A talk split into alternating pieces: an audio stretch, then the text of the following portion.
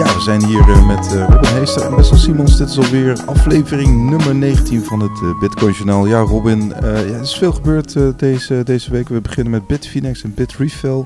Die regelen Bitcoin transacties via het Lightning-netwerk. Ja. Interessant. Ja. Bitfinex doet meer dan alleen samenwerken met Bitrefill op het gebied van Lightning-netwerk. ze hebben eerder deze week aangekondigd om ook stortingen via het Lightning-netwerk en ook het opnemen van Bitcoin kan straks, of kan al via het uh, Lightning-netwerk.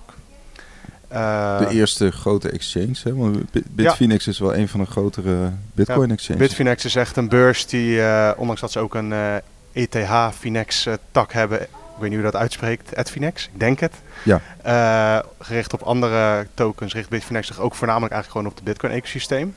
Ja, zij zijn dus de eerste die, waarmee je vanaf het Lightning-netwerk direct kan storten op een grote beurs.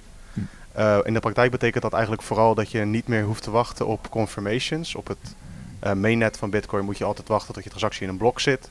Dan moet dat een x aantal keer bevestigd worden. En dan heeft een exchange pas zoiets van: oké, jij mag nu aan de slag bij ons met je Bitcoin. Uh, ja, in theorie kan het dus het stortingsproces versnellen. Hoe gaat het dan in de praktijk? Hè? Moet ik dan een node openen op het Lightning-netwerk? nee, zo extreem hoeft dat niet. In principe, je krijgt gewoon een een adres waar je het naartoe moet sturen. En zodra daar bitcoin op ontvangen wordt, dan weet de exchange van hey, Pietje heeft uh, die bitcoin gestuurd, dus hij mag het nu verhandelen. Ja, precies. Dat, dus je hoeft geen eigen node te openen of weet ik wat. Wel handiger en makkelijker, waarschijnlijk ook goedkoper. En je wil, dan heb je je eigen coins in beheer. Maar tegelijkertijd, uh, ja, als jij gewoon een custodial wallet op Lightning gebruikt, dan kan het ook interessant zijn om het op die manier uh, in te zetten en naar een exchange te sturen. Ja. Dus het is eigenlijk uh, vooral een efficiëntieslag. Lightning is nog niet, uh, ja, wordt nog niet hevig gebruikt, maar het is er wel en het werkt. Dus uh, ja, Bitfinex had waarschijnlijk zoiets van, weet je wat, laten we daar gewoon alvast de goede on-ramps voor bouwen, want waarom niet? Ja, en, dat is ook een beetje de belofte, hè? Dat, dat, dat er gewoon bedrijven zeg maar, op Lightning gaan Ja, kijk, we hebben het nu dan over Bitfinex met, als hand, in combinatie met handelaren en, en gewone klanten, gewoon individuen. Maar de samenwerking met Bitrefill gaat eigenlijk een stapje verder. Want zij openen dan uh, een payment channel met elkaar, Bitrefill en Bitfinex, op het Lightning-netwerk. Bitrefill is zeg maar een aanbieder van cadeaukaarten in, in, ja. voor crypto, hè? Dus je ja, kunt, exact. je, je, kunt, zeg maar een eh, cadeaukaart, uh, via, via Bitcoin kun jij een cadeaukaart kopen. Ja, voor bijvoorbeeld voor heel veel grote ketens in vooral Amerika en ook in andere delen van de wereld. En waar het eigenlijk op neerkomt is dat Bitfinex en Bitrefill uh, op bedrijfsniveau een samenwerking aangaan, waardoor zij die transacties die gedaan worden via de, hun nodes heen en weer gaan sturen. Dus in de praktijk betekent dat dat er geen andere partij tussen zit en ze gewoon direct met elkaar kunnen betalen. Dat is eigenlijk een soort zakelijk betalingsverkeer. Ja. Wat, wat. En Bitfinex en Bitrefill die brengen dat dan heel leuk. Van, uh, ja, je kunt vanuit je Bitfinex wallet, dus van je exchange wallet bij uh, Bitfinex, kun je bij Bitrefill uh, cadeaukaarten kopen. In de praktijk betekent dat dus dat je eerst je bitcoin naar Bitfinex moet sturen. Dan je uh, aankoop moet doen bij Bitrefill en dan krijg je pas je cadeaukaart. Maar in theorie kan je natuurlijk ook gewoon je bitcoin gelijk naar Bitrefill sturen en daar je cadeaukaart kopen. Dus die, het is een beetje omslachtig, maar de implementatie vind ik heel interessant. Omdat het, uh, het helpt bedrijven om langzaamaan afstand te nemen van het klassieke bankwezen. Omdat je op deze manier heb je die, voor deze transacties heb je die niet meer nodig.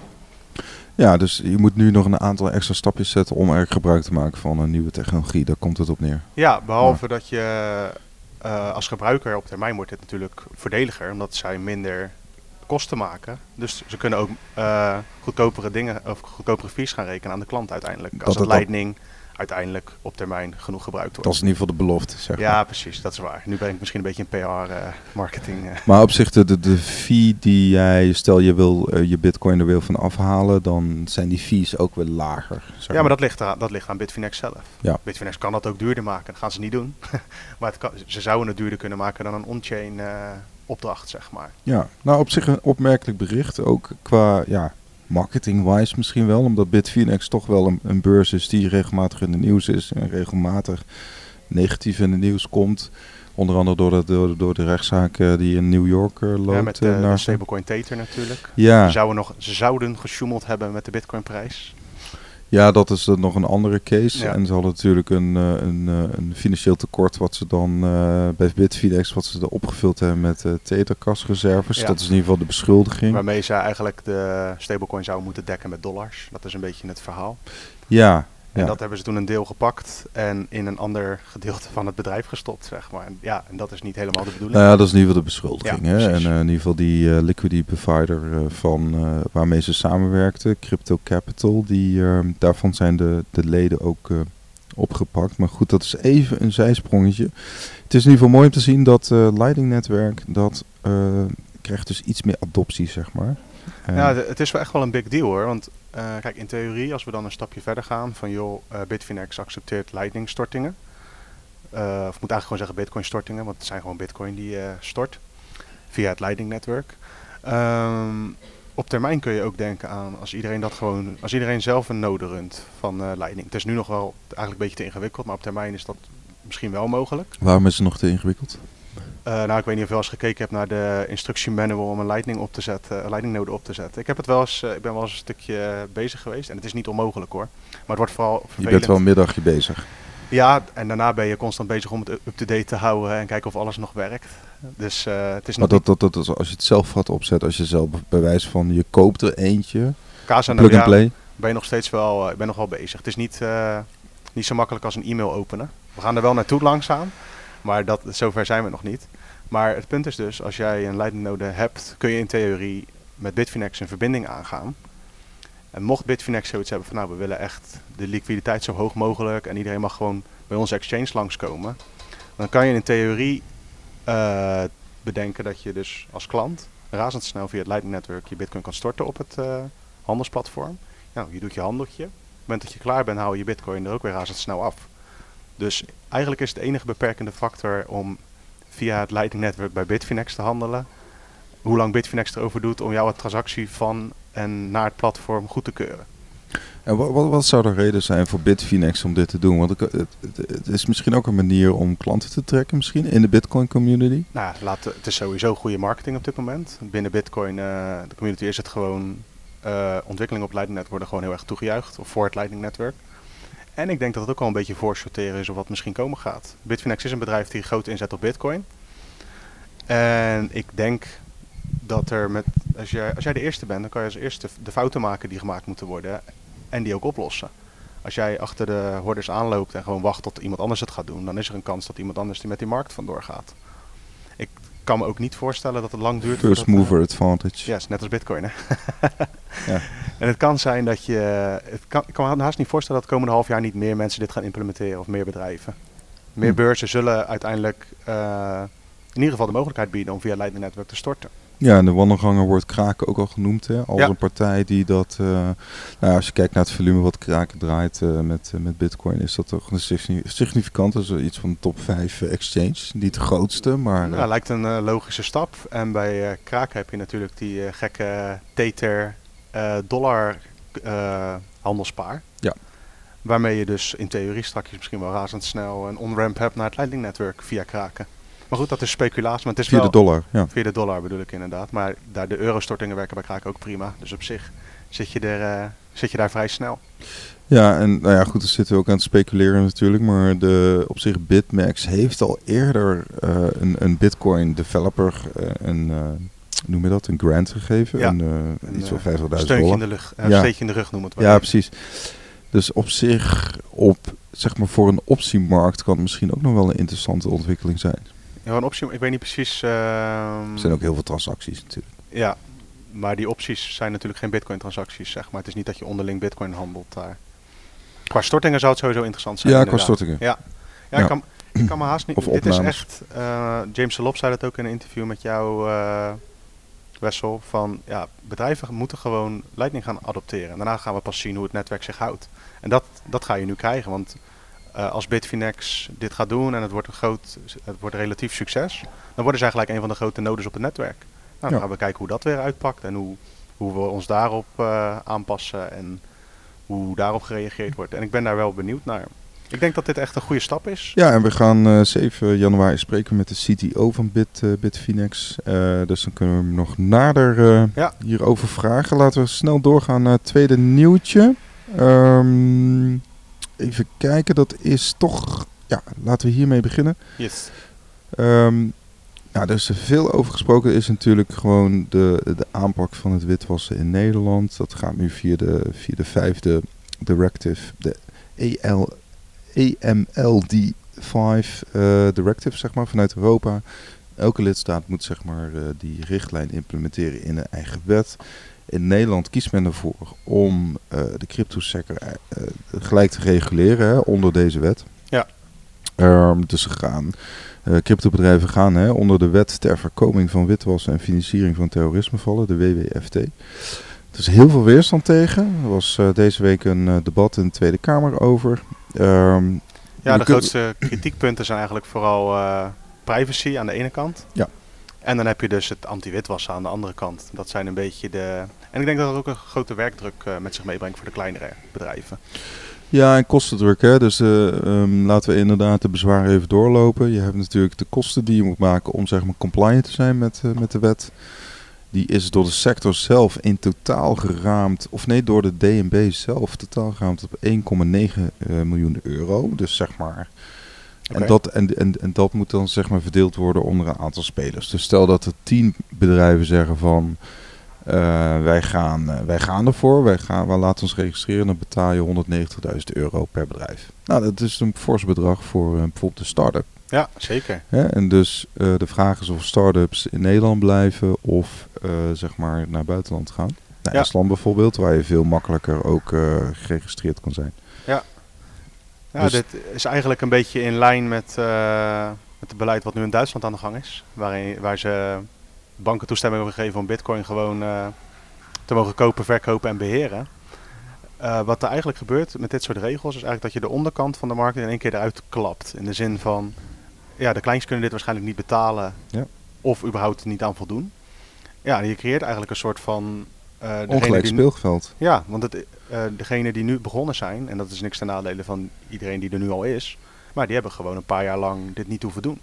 En als jij in 2020 een geniaal idee hebt en je denkt, nou, ik ga de markt bestormen, ja, dan heb je gewoon niet mee te maken en heb je een extra kostenpost. Ja. Dat is een paar eh, freelancers minder misschien wel op jaarbasis.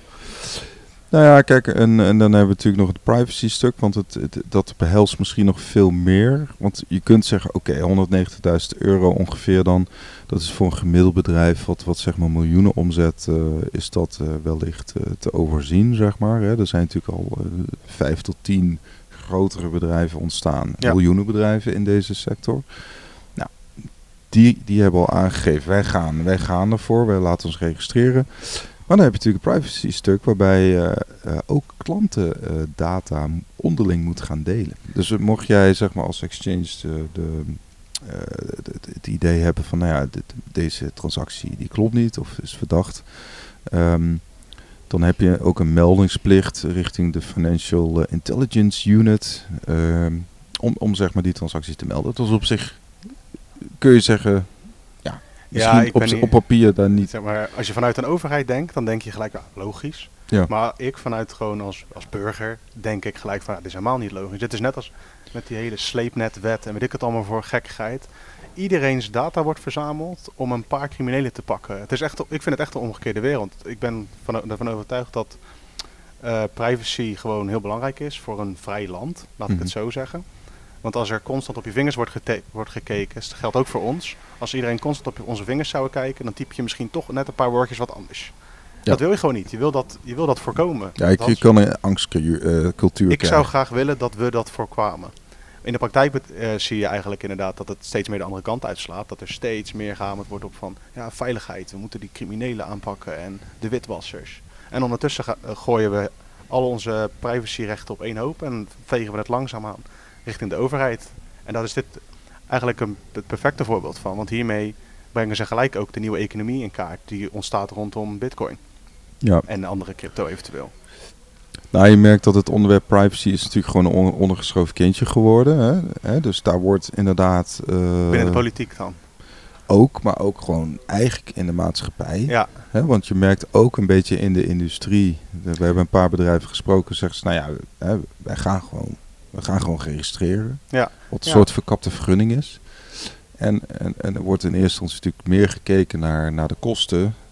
Ja, maar het kostenaspect dan per se van, oh, we moeten ook klantendata gaan delen. zeg Ja, kijk, wij hebben, dat- wij hebben ook wel eens discussies over ehm, ja, hoe we bepaalde dingen zakelijk in moeten steken.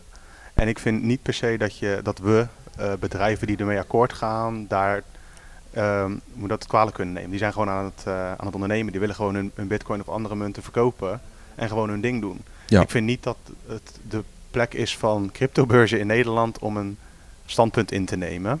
En we zeggen van we doen het allemaal niet. Dat kan niet. Wat wel eh, interessant is om misschien te kijken hoe we er eventueel voor kunnen gaan lobbyen met z'n allen. In de zin van beter uit te gaan leggen van wat er nu gebeurt op deze manier. Nou, kijk, de, de, de, wat ik zo hier en daar begrijp, zijn er gewoon al brokers en exchanges die, die al heel actief... je hebt eh, Bitcoin s- Ondernemers Nederland of zoiets. Daar zitten best wel wat grote... Ja, je hebt de Verenigde Bitcoin Bedrijven Nederland als een ja. brancheorganisatie. Maar ik wilde zeggen dat, dat eh, brokers zelf zijn ook al heel actief bezig met het melden. Hè? Het samenwerken met politie, Ja. weet je wel. Dus er is al best wel wat eh, gaande. Maar er is niks mis met samenwerken met politie. Hè. Laat dat voorop stellen. Ja. Maar daarvoor gaat het bij mij al mis. Dat het voor iedereen eerst al opge, opgeslagen moet worden. Het is niet zo dat jij en ik eerst wat geks moeten doen en dan komen we op de lijst. Het is, jij maakt een account aan Precies. en dat is het evenement waarop ze alle je gegevens willen en By mogen delen en mogen hebben. En Ja. dat vind ik vervelend.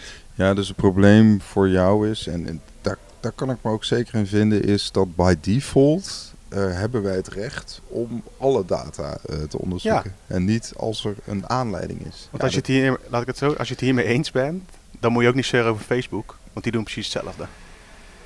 Zeg maar, als je dit soort data, als je op deze manier data wil vergaren, Mm. eh, dan zit je in die hoek van extreme mate aan privacy schendende dingen. En, en het is gelukkig wel je eigen keuze hoe je bitcoin koopt. Ik moet zeggen, ik zeg het nu allemaal, maar vervolgens de enige manier hoe ik bitcoin koop is ook via een Nederlandse broker. het is niet zo dat ik anoniem met een bivakmuts naar de bitcoin pinautomaat ga en daar mijn bitcointjes haal. Maar gaat die, gaat die registreren? Dat is ook even de vraag. Want het is Ja. volgens mij ook een start-up. Ja, dat is waar. Nee, dat klopt. Het is natuurlijk, nou, dat maar dat wordt allemaal eh, in volgend, volgend jaar duidelijk. Want ik kan me voorstellen dat er Nou, over een maand. Over een ma- oh ja, het is een, dan is het al 2020. Dus dat is ongelooflijk. nee, maar, Nee, maar daarom, hè, het, is, het is wel echt eh, hè, korte termijn. Terwijl Ja. er eigenlijk nog heel veel onzekerheid is. Hè, men weet niet hoeveel het kost. Eh, men weet niet precies eh, hoe de, wat de uitwerking gaat zijn van deze, van deze wet qua monitoring. Want de DNB gaat hen echt monitoren en toezicht houden. Ehm, nou ja, goed. Het, het, het is, ja... Ik, ik, ik vind het ook wel deels echt Nederland op zijn smalst, weet je wel. Ja. Dat, dat, het, dat- is, weet je, het is moeilijk, want ik vind het ook niet gek dat cryptobeurzen dit moeten gaan doen hoor. Ik vind het vooral gek dat iedereen, dat elk betalingsnetwerk, of te gek, ik zou willen dat het niet zo geregeld moest worden in Nederland. Want ik vind het wel logisch dat cryptobeurzen aan dezelfde regels moeten voldoen als andere betalingsproviders. En andere handelsplatformen. Dan heb ik nog zoiets van, dat snap ik. Maar het feit dat die regels zo in elkaar steken vind ik gewoon vervelend. Ja, ik ben het er ook mee eens dat, dat er gewoon regulering moet zijn. Maar de vraag is altijd hoe ga je de regulering Ja. insteken? Weet je wel? En nu is het echt. eh, Ja, nu, nee, moet de crypto sector aan hogere eisen voldoen. Hogere Ja. eisen dan bank. Dan een bank. Ja, dat, kijk, dat is, dat is schandalig. Dat slaat nergens op. Nee, dus eh, de due diligence, due diligence onderzoek zeg maar, naar de MT-leden en zeg maar, het personeel, eh, die eisen die liggen hoger bij cryptobedrijven dan bij een bank. Ja, dat is een ja, Over oneerlijke concurrentie gesproken. Nee, maar goed, Dat- daar heeft Clint eh, wel een goed, eh, goed stuk over geschreven. Dat, dat ja, die eisen die zijn, ja, die, die, liggen, die liggen scheef. Ja, hoe heet dat stuk? Want dan kunnen we het opzoeken. Nou goed, hij heeft afgelopen week daar inderdaad een stuk op Bitcoin Magazine opgeschreven. Ehm, waarin hij inderdaad commentaar geeft op het debat. Ehm, maar goed, ehm, nee, kijk, regulering is niet verkeerd, dat zal iedereen beamen. Dus iedereen, er moet gewoon een bepaalde mate van controle zijn. Natuurlijk moet je ook controle hebben op alle geldstromen. Hè? Dus, dus ehm, Moet dat? nou, dit- ja, alle geldstromen in ieder geval de. Ik, ik snap de behoefte om te weten dat er dat, dat je, ja, dat je wil controleren waar, waar het geld vandaan komt. ik snap die behoefte heel goed. En, ehm, maar wat je creëert als je dit op deze manier zo insteekt, is nog meer, juist nog meer anonimiteit. Want zelfs, ik koop altijd dus braaf mijn, als ik bitcoin koop, koop ik dat braaf via een Nederlandse broker. Maar ik vind dit gewoon zo'n ingrijpende regel dat ik zo... Ik heb best wel rond zitten kijken van nou, wat zit er bij mij in de buurt? Kan ik niet... En dat is niet omdat ik een misdadiger ben of wat dan ook. Maar ik vind gewoon dat... er- ik heb het recht is een om principieel op de, iets. op de markt anoniem een aardappel te kopen. En ik heb ook recht om anoniem bitcoin te kopen. Vind ik. En dat mag ook in Nederland. Maar dan niet via die brokers meer. En anoniem is het natuurlijk nooit als je het digitaal overmaakt. Maar het wordt nu gewoon in één keer helemaal opengegooid. Het- dat snap ik. Ehm, daarom, daarom, ja, daarom is het aan de ene kant gek dat er niet een soort light regime is, eh, is, is gekomen. Waarbij je dus wel regulering hebt en wel toezicht hebt op de sector. En ook toch op de geldstromen die naar die eh, brokers gaan. Ja. En je krijgt dus nu een onderscheid tussen inderdaad custodial en non-custodial eh, wallets bijvoorbeeld. Ja. en die non-custodial wallets die, die, die zullen onder vuur komen te liggen. Kijk, die centraal geregelde partijen, dat is al gewoon sinds dat we het internet hebben, is dat de manier hoe wij finance doen en andere dingen regelen. Dat geldt ook voor handelsbeurzen. De allergrootste zijn allemaal nog steeds, sterker nog, eigenlijk zijn alle dingen die echt goed werken bijna allemaal gewoon eh, centraal geregeld. Hm. En die peer-to-peer en die open source codes en zo, die beginnen nu pas geraamte te krijgen bijvoorbeeld. Dat bijvoorbeeld, eh, Ja, die komen gewoon in de illegaliteit ook deels, hè? ja, maar als het, Dus- als het open, so- open source genoeg is, in de zin van wijdverspreid genoeg is, zo moet ik het zeggen, Ja. dan blijft dat in principe gewoon in leven. Want Klopt. met dit soort regels, je speelt dit gewoon in de hand. Als jij en ik, eh, als jij met een collectief zoiets zegt van ja, ik vind het zo'n onzin, laten we gewoon op een legale manier, want het is niet illegaal om op een andere manier bitcoin te kopen. Dan ga je, je speelt dat in de kaart als overheid. Nee, dat snap ik wel. Alleen, kijk, Pak je hier nou de crimineel mee? Vraag me af. nee, dat, dat is inderdaad ook maar de vraag. Maar uiteindelijk, de gemiddelde Nederlander, die zal toch inderdaad, die gaat niet, die gaat niet anoniem per se Nee. zijn bitcoin kopen. Dus dat is sowieso een vrij beperkte groep, denk Ja. ik. Klopt, eens. Maar die, bij die beperkte groep horen ook degenen die zogenaamd gepakt gaan worden met deze maatregel.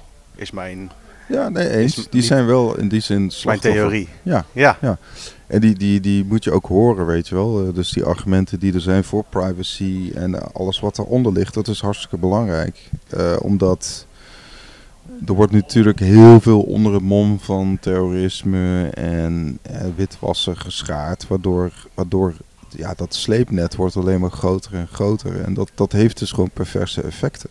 Ja. In de zin van dat er gaat heel veel kapitaal in zitten. Het is on- ongelooflijk duur om alles te handhaven. En eh, inderdaad, de pakkans, zeg maar, via, via, via dit systeem ja. is, is relatief beperkt. ja. Tegelijk- vind- dus ja. het is een, ik vind het een vrij complex onderwerp. ja het want is ook geen onderwerp die wij hier even op gaan lossen. Nee, Maar ik vind het wel belangrijk om die, de, of de belangrijkheid van privacy af en toe eens te benoemen. Want dat is, dat is waar Bitcoin ook deels op draait. Hè? Gewoon op het feit dat je eh, pseudo-anoniem in de zin van maakt niet uit wie je bent. Man, vrouw, donker, wit, eh, hond, kat, koelkast, auto. Maakt niet uit. Als jij een Bitcoin-adres hebt, ben je gelijk op het netwerk. En dat is zo anders als wat, wat we hier allemaal lezen en te horen krijgen over nieuwe regels. Van die mag wel op dit platform. En als jij eh, van dat platform gebruik wil maken en, en je woont in, eh, in India, dan heb je pech. Het is compleet tegenovergesteld. Ja. En iedereen, inclusief ikzelf en jij waarschijnlijk ook, moeten daar gewoon ook aan wennen nog. Aan die manier van denken van je hebt geen toestemming meer nodig om transacties te doen. Ja. Ondanks lokale regels. Ja, kijk, en de noodzaak natuurlijk in bepaalde andere landen is natuurlijk veel hoger om, om juist wel anoniem te zijn. Hè? Ja. De- de- dus, dus, Ja, dat is een beetje bij ons. Het, eh, er wordt heel goed voor ons gezorgd in Nederland, gemiddeld genomen. Er zijn Ja. altijd haken en ogen en eh, altijd voor- en tegenstemmers op wie er ook aan de macht is natuurlijk. Maar ehm, ja, nou, dat was een goed bruggetje Wessel. Laten we daar gewoon gelijk naartoe gaan. Ja, toch? Frankrijk eh, gaat begin 2020 als eerste land digitale euro testen. Nou, jij stond te juichen op je bank. Nou, zeker. Ik had gelijk zoiets van yes. Nee. Eindelijk. Ja, nou, ik had eigenlijk vooral zoiets van, ja, tuurlijk, tuurlijk gaan ze dat doen. En tuurlijk heeft het eigenlijk, eh, met het netwerk van Bitcoin heeft het niks te maken. Maar het heeft wel alles te maken met de discussie rondom Bitcoin. Omdat, ja, wederom, dit is echt het compleet tegenovergestelde. Waarom was het voor jou logisch dit? Eh, nou, aangezien eh, China gaat sowieso ook ermee komen. Uit Amerika heb je natuurlijk de private kant met Facebook en Libra. En eventueel een eigen munt daar ook uh, digitaal. Hyperledger is daar wel lekker bezig. Ja, van alles en nog wat komt er, uh, komt er aan. Maar dit wordt dus eigenlijk gewoon een digitale munt die uitgegeven wordt om door banken op de achtergrond transacties met elkaar te vereffenen, toch? Het is geen consumentenmunt, als ik het goed begrepen heb. nog niet, nee. Dit is niet voor de retailmarkt en uh, dit is inderdaad voor het zakelijk betalingsverkeer. Um, ja, het is inderdaad voor zakelijk en um, het staat in een whitepaper van uh, de Europese Centrale Bank. En, uh, serious business. Nou ja, het is inderdaad bedoeld vanuit centraal geregeld. Dus een centraal uitgegeven munt, zoals dat nu natuurlijk met de euro ook gebeurt. Alleen dan ja, via met een onderliggende blockchain-technologie, waardoor elke transactie verifieerbaar is. En, en, Verspreide database. ja, maar het zal de, natuurlijk wel een database zijn waarbij um, in die zin uh, het is denk ik geen openbare. Uh, dus, het is nee. geen openbare. Daar hoeven we niet bang voor te zijn dat ze daarmee komen. Dus het zal inderdaad gewoon een private, uh, private blockchain worden. Nou, wat ik val er, als je dan qua makkelijkheid en qua gebruik en zo. Bij banken kan het interessant zijn omdat ze dan gemakkelijker met elkaar kunnen communiceren.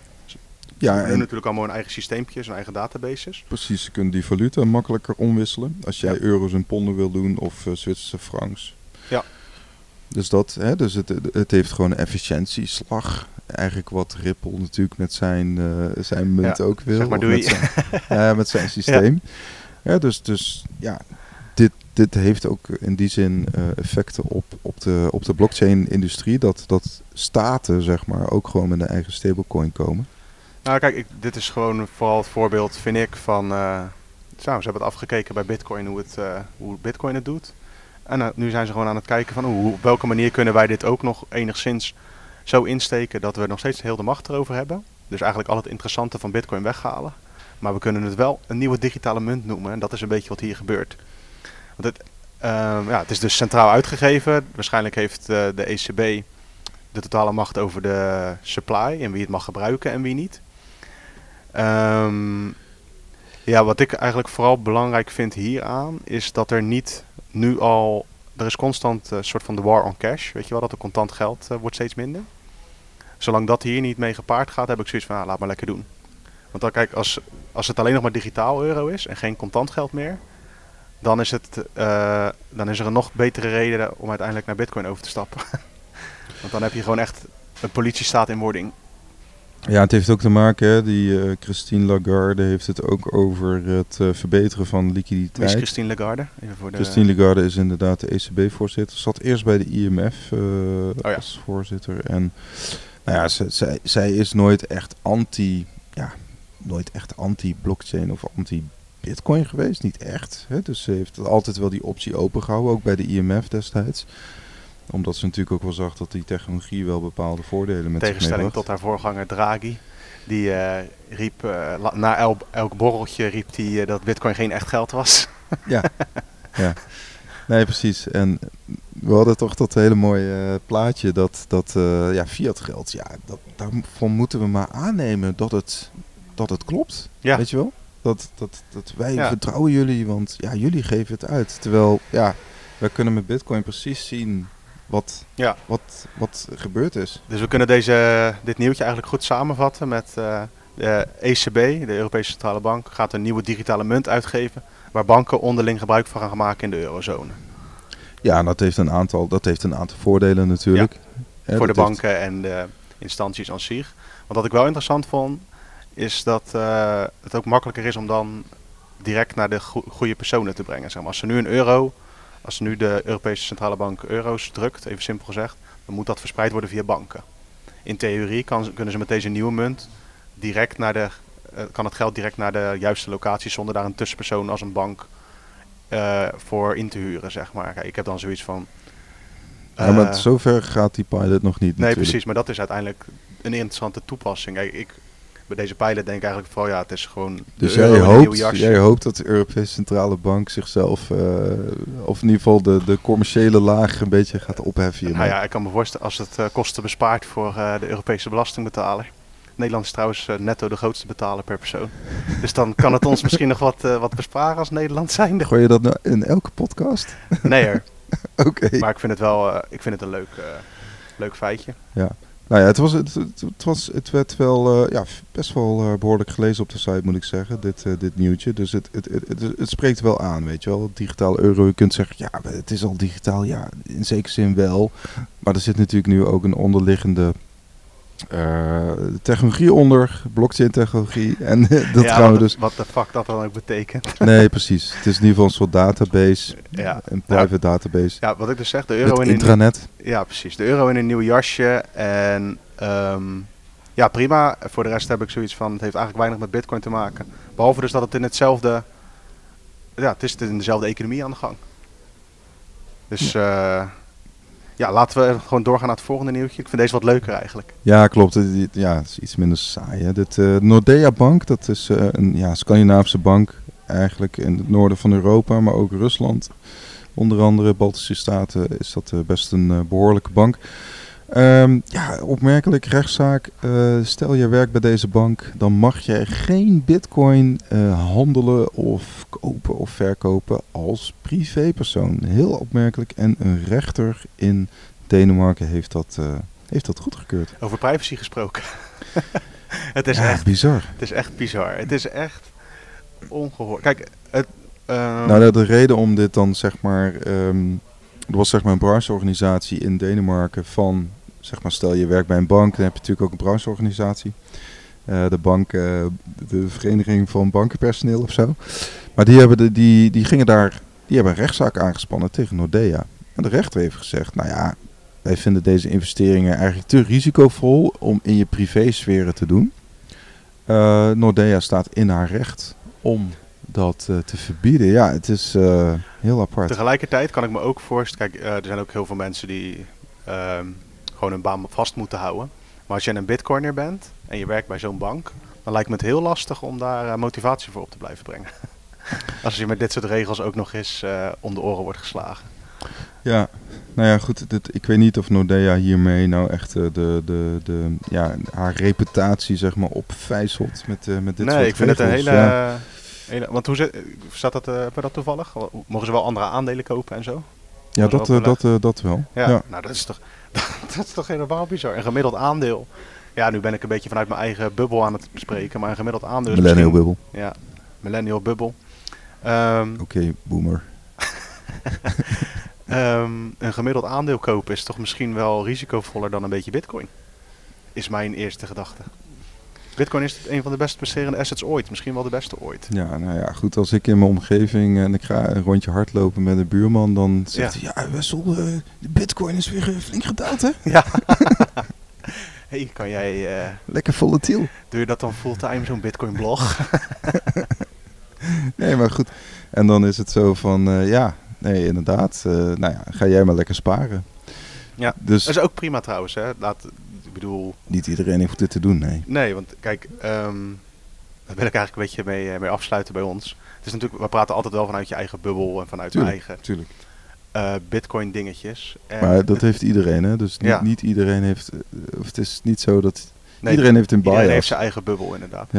Maar het is soms moeilijk om... Kijk hoe lang wij er zelf over gedaan hebben om nu te zijn dat we lekker over bitcoin kunnen praten. Dat als je net begint met bitcoin of met cryptocurrency, zeker als je begint met een andere munt dan bitcoin, loop je gewoon heel veel achter. Ja. qua kennis, qua eh, met, eh, gesprekken die je gehad hebt, qua podcasts die je luistert, whatever het is. Nou ja, daarom hebben we natuurlijk uiteindelijk ook het besluit genomen om in ieder geval de site veel met Bitcoin only te Ja. doen. Omdat, omdat ja, je daarmee veel meer jezelf positioneert en dus ook veel meer kan specialiseren in dit ecosysteem. Want er gebeurt daar al heel veel. Ja, er gebeurt eh, genoeg. Ja, en dat kun je dagelijks volgen op eh, bitcoinmagazine.nl. Eh, vergeet ook niet eh, de socials te checken waarop je zelf actief bent. We zitten op Facebook, op YouTube, op Twitter. Op Instagram vind je leuke video's, kort het nieuws. We hebben het Telegram kanaal. En eh, ja, ik wil vooral zeggen dankjewel voor het luisteren en eh, tot volgende week. Ja, tot Wessel, volgende week. Oké, hoddel hoddel.